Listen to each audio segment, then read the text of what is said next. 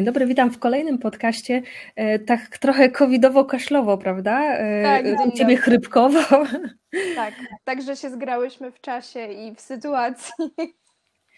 Temat. Czym jest e, kardiotokografia i kiedy ją wykonać, czyli nasze sławne, słynne KTG.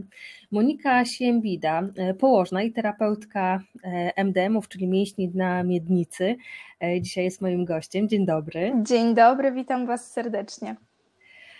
Opowiadasz o ciąży, o przygotowaniu do porodu, a także o treningach mięśni na miednicy. Także jeżeli droga przyszła bądź obecna mamo po drugiej stronie, jeżeli będziesz chciała zgłębić swoją wiedzę, to Monika zaprasza na konsultacje indywidualne, również online'owe w dobie covidowej. No tak. E, a swoje doświadczenie zdobywałaś między innymi w Instytucie Matki i Dziecka w Warszawie oraz e, online'owo spływają do ciebie e, cały czas, codziennie wszystkie badania właśnie KTG. Jak to jest z tymi badaniami KTG? Czy jak przychodzą do ciebie takie badania, je weryfikujesz, to zdarza się, że kontaktujesz się z mamą i trzeba tutaj jakiejś pilnej ingerencji lekarza?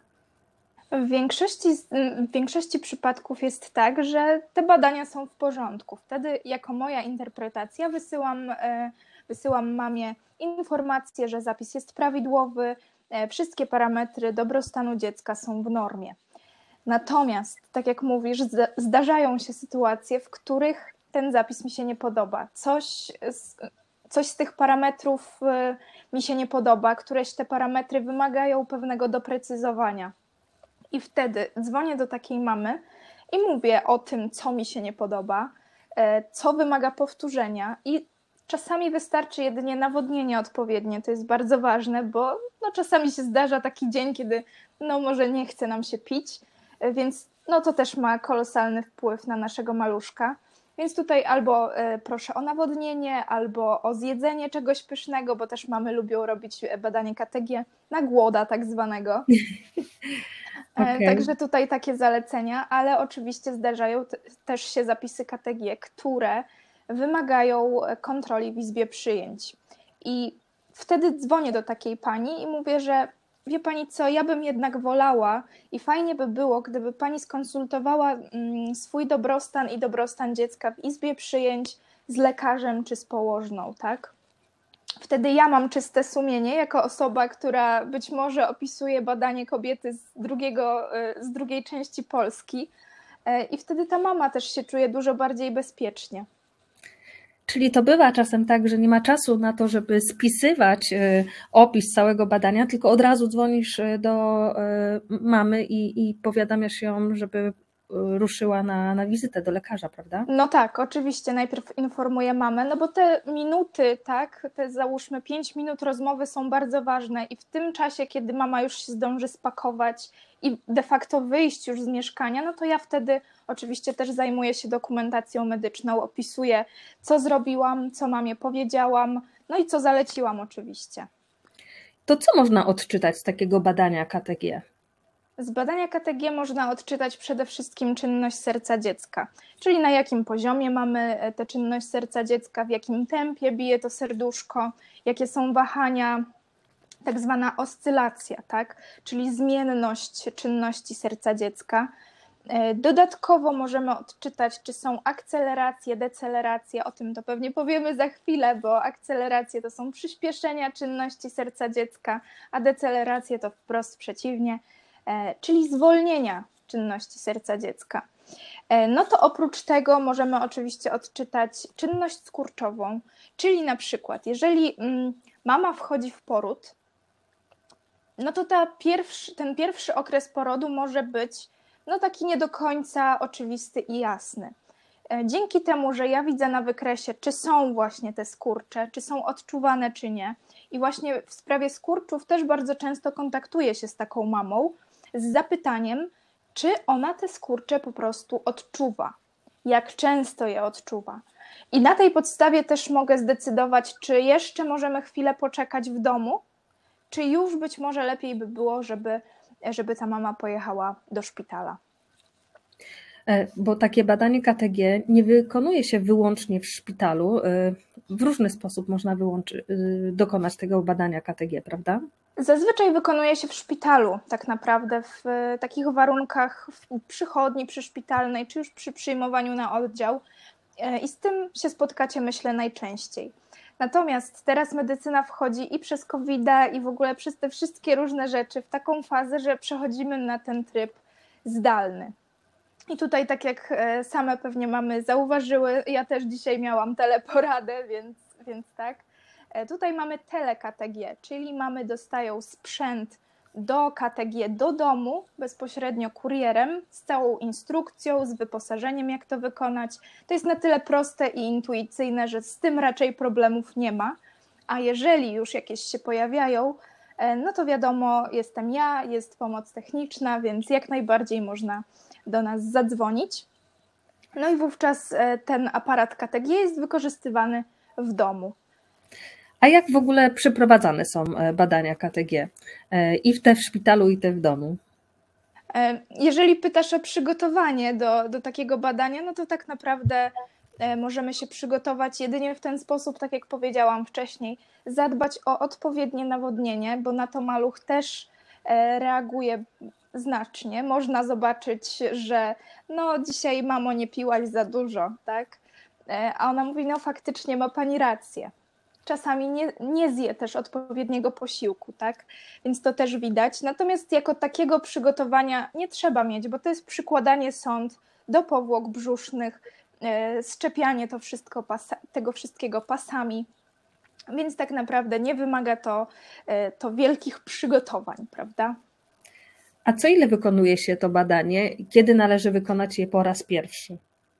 Słuchajcie, jeśli chodzi o pierwsze badanie KTG, to tak naprawdę, jeżeli ciąża przebiega fizjologicznie, jeżeli z waszą ciążą nic się nie dzieje, e, z maluszkiem jest wszystko w porządku, to zaczynamy badania KTG w około terminu porodu, zarówno wychodzącego z ostatniej miesiączki, jak i z USG. Wtedy rozpoczynamy badanie KTG już takie stricte przed porodem, tak? czyli załóżmy około 39 tygodnia ciąży. Natomiast no z mojego doświadczenia też tak wynika, że ciąże mogą być powikłane, tak? że możecie mieć, drogie mamy, cukrzycę, nadciśnienie w ciąży. E, mogą być też inne schorzenia typu niewydolność cieśniowo-szyjkowa, która zagraża której zagraża poród przedwczesny, tak? I wtedy musimy to wszystko monitorować i wtedy zalecamy obserwację czynności serca dziecka, obserwację czynności skurczowej e, w trakcie badania KTG, ale zazwyczaj wtedy już jesteście e, w warunkach szpitalnych. Zaczynamy wtedy mniej więcej, no nie, nie zaczynamy wcześniej niż 25 tydzień. Także ja się spotkałam chyba najwcześniej z zapisem KTG w 26 tygodniu ciąży. Tak. E, a czy te badanie KTG jest standardem? Jest e, e, takie powszechne, darmowe? To jest, mhm. jest powszechne i jest darmowe, oczywiście, jeżeli korzystamy z niego w ramach funduszu, tak? jeżeli mamy ubezpieczenie zdrowotne i tak dalej. Natomiast oczywiście można je również wykonać prywatnie w przychodniach, czy u położnej, czy u lekarza, jak najbardziej tak. I wiem, że są takie usługi, że po prostu dana położna czy dany lekarz przyjeżdża z aparatem do domu takiej mamy. Natomiast e, jeśli chodzi o ten standard, to tak, jak najbardziej tak. To jest myślę najłatwiejszy sposób, e, żeby wykryć jakieś nieprawidłowości, czy jakieś niedotlenienie wewnątrzmaciczne, czy nadmierne skurcze przedwczesne, tak? Także tutaj daje nam to obraz sytuacji, jaka panuje w brzuszku i, i co słychać u malucha. Czasem mamy się żalą, że jak już są na porodówce e, i e, oczekują na ten poród, to e, są przypięte tym KTG i nie mogą nigdzie chodzić, bo w niektórych szpitalach to nie jest takie mobilne. Czemu tak jest, że czasem można chodzić, czasem nie można chodzić? Wyobraźcie sobie, że dostałyście znieczulenie zewnątrzoponowe, czyli to znieczulenie w plecy. Dzięki temu mniej odczuwacie ból, mniej odczuwacie te skurcze, ale też mniej odczuwacie swoje nogi. Więc po to, żeby mm, zapobiec waszemu upadkowi tak naprawdę przy, przy łóżku czy w łazience, no to jednak wolimy, żeby to wszystko działo się w obrębie łóżka, dbając o wasze bezpieczeństwo, tak? No i gdybyście upadły, no to żebyście nie upadły też na brzuch. Także tutaj w takich sytuacjach, jeżeli macie podłączoną oksytocynę, czyli jest indukcja porodu, wówczas też wolimy monitorować na bieżąco to, co dzieje się z maluchem. I jeżeli, tak jak powiedziałaś, nie ma możliwości tego mobilnego KTG, e, no to wtedy też jest to w obrębie łóżka, bo maluch różnie może zareagować na oksytocynę i ta sytuacja jest na tyle dynamiczna, że to może się zmienić, słuchajcie, naprawdę w ciągu minuty nawet, że jest poprawny zapis KTG prawidłowy, a nagle mamy decelerację, czyli to zwolnienie czynności serca dziecka i ta de deceleracja przechodzi w bradykardię, no i tak naprawdę musimy działać szybko. Także tak jak mówię, sytuacja bywa dynamiczna. To na koniec, e, Monika, podsumowując e, tą całą, e, to całe KTG, czyli kardiotok echografię, tak? Dobrze? Tak, tak, tak. To co jest jeszcze ważnego i istotnego dla każdej z mam? Wspominałaś o tym, żeby nie zapominać o e, napojach. Czy jeszcze tutaj nam coś przypomnisz? E, jeżeli jesteście głodne, no to możecie zabrać ze sobą słodką przekąskę. Warto też zwrócić uwagę na to, że to jest czas dla Was, czyli dla ciebie, mamo, i dla malucha. Dzięki temu też się uczycie. Może można poczuć ruchy tego malucha, tak? I bardzo często ja się spotykam z tym, że mamy są wpatrzone w ten ekran KTG jak w obrazek i po prostu jesteście wtedy ze swoim dzieckiem, słyszycie e, czynność jego serca. Więc tak naprawdę ten świat online i, i świat telefonów, internetu przestaje istnieć, tylko jesteście wy. No już taka pierwsza komunikacja e, właśnie tak. z dzieckiem w ten sposób. Tak. Och, no to cudownego bicia serduszka po drugiej stronie. Dziękuję Ci tak bardzo jest. za to spotkanie. Dziękuję serdecznie i życzę samych pięknych zapisów KTG. Dziękujemy bardzo. Pa, pa. Pa.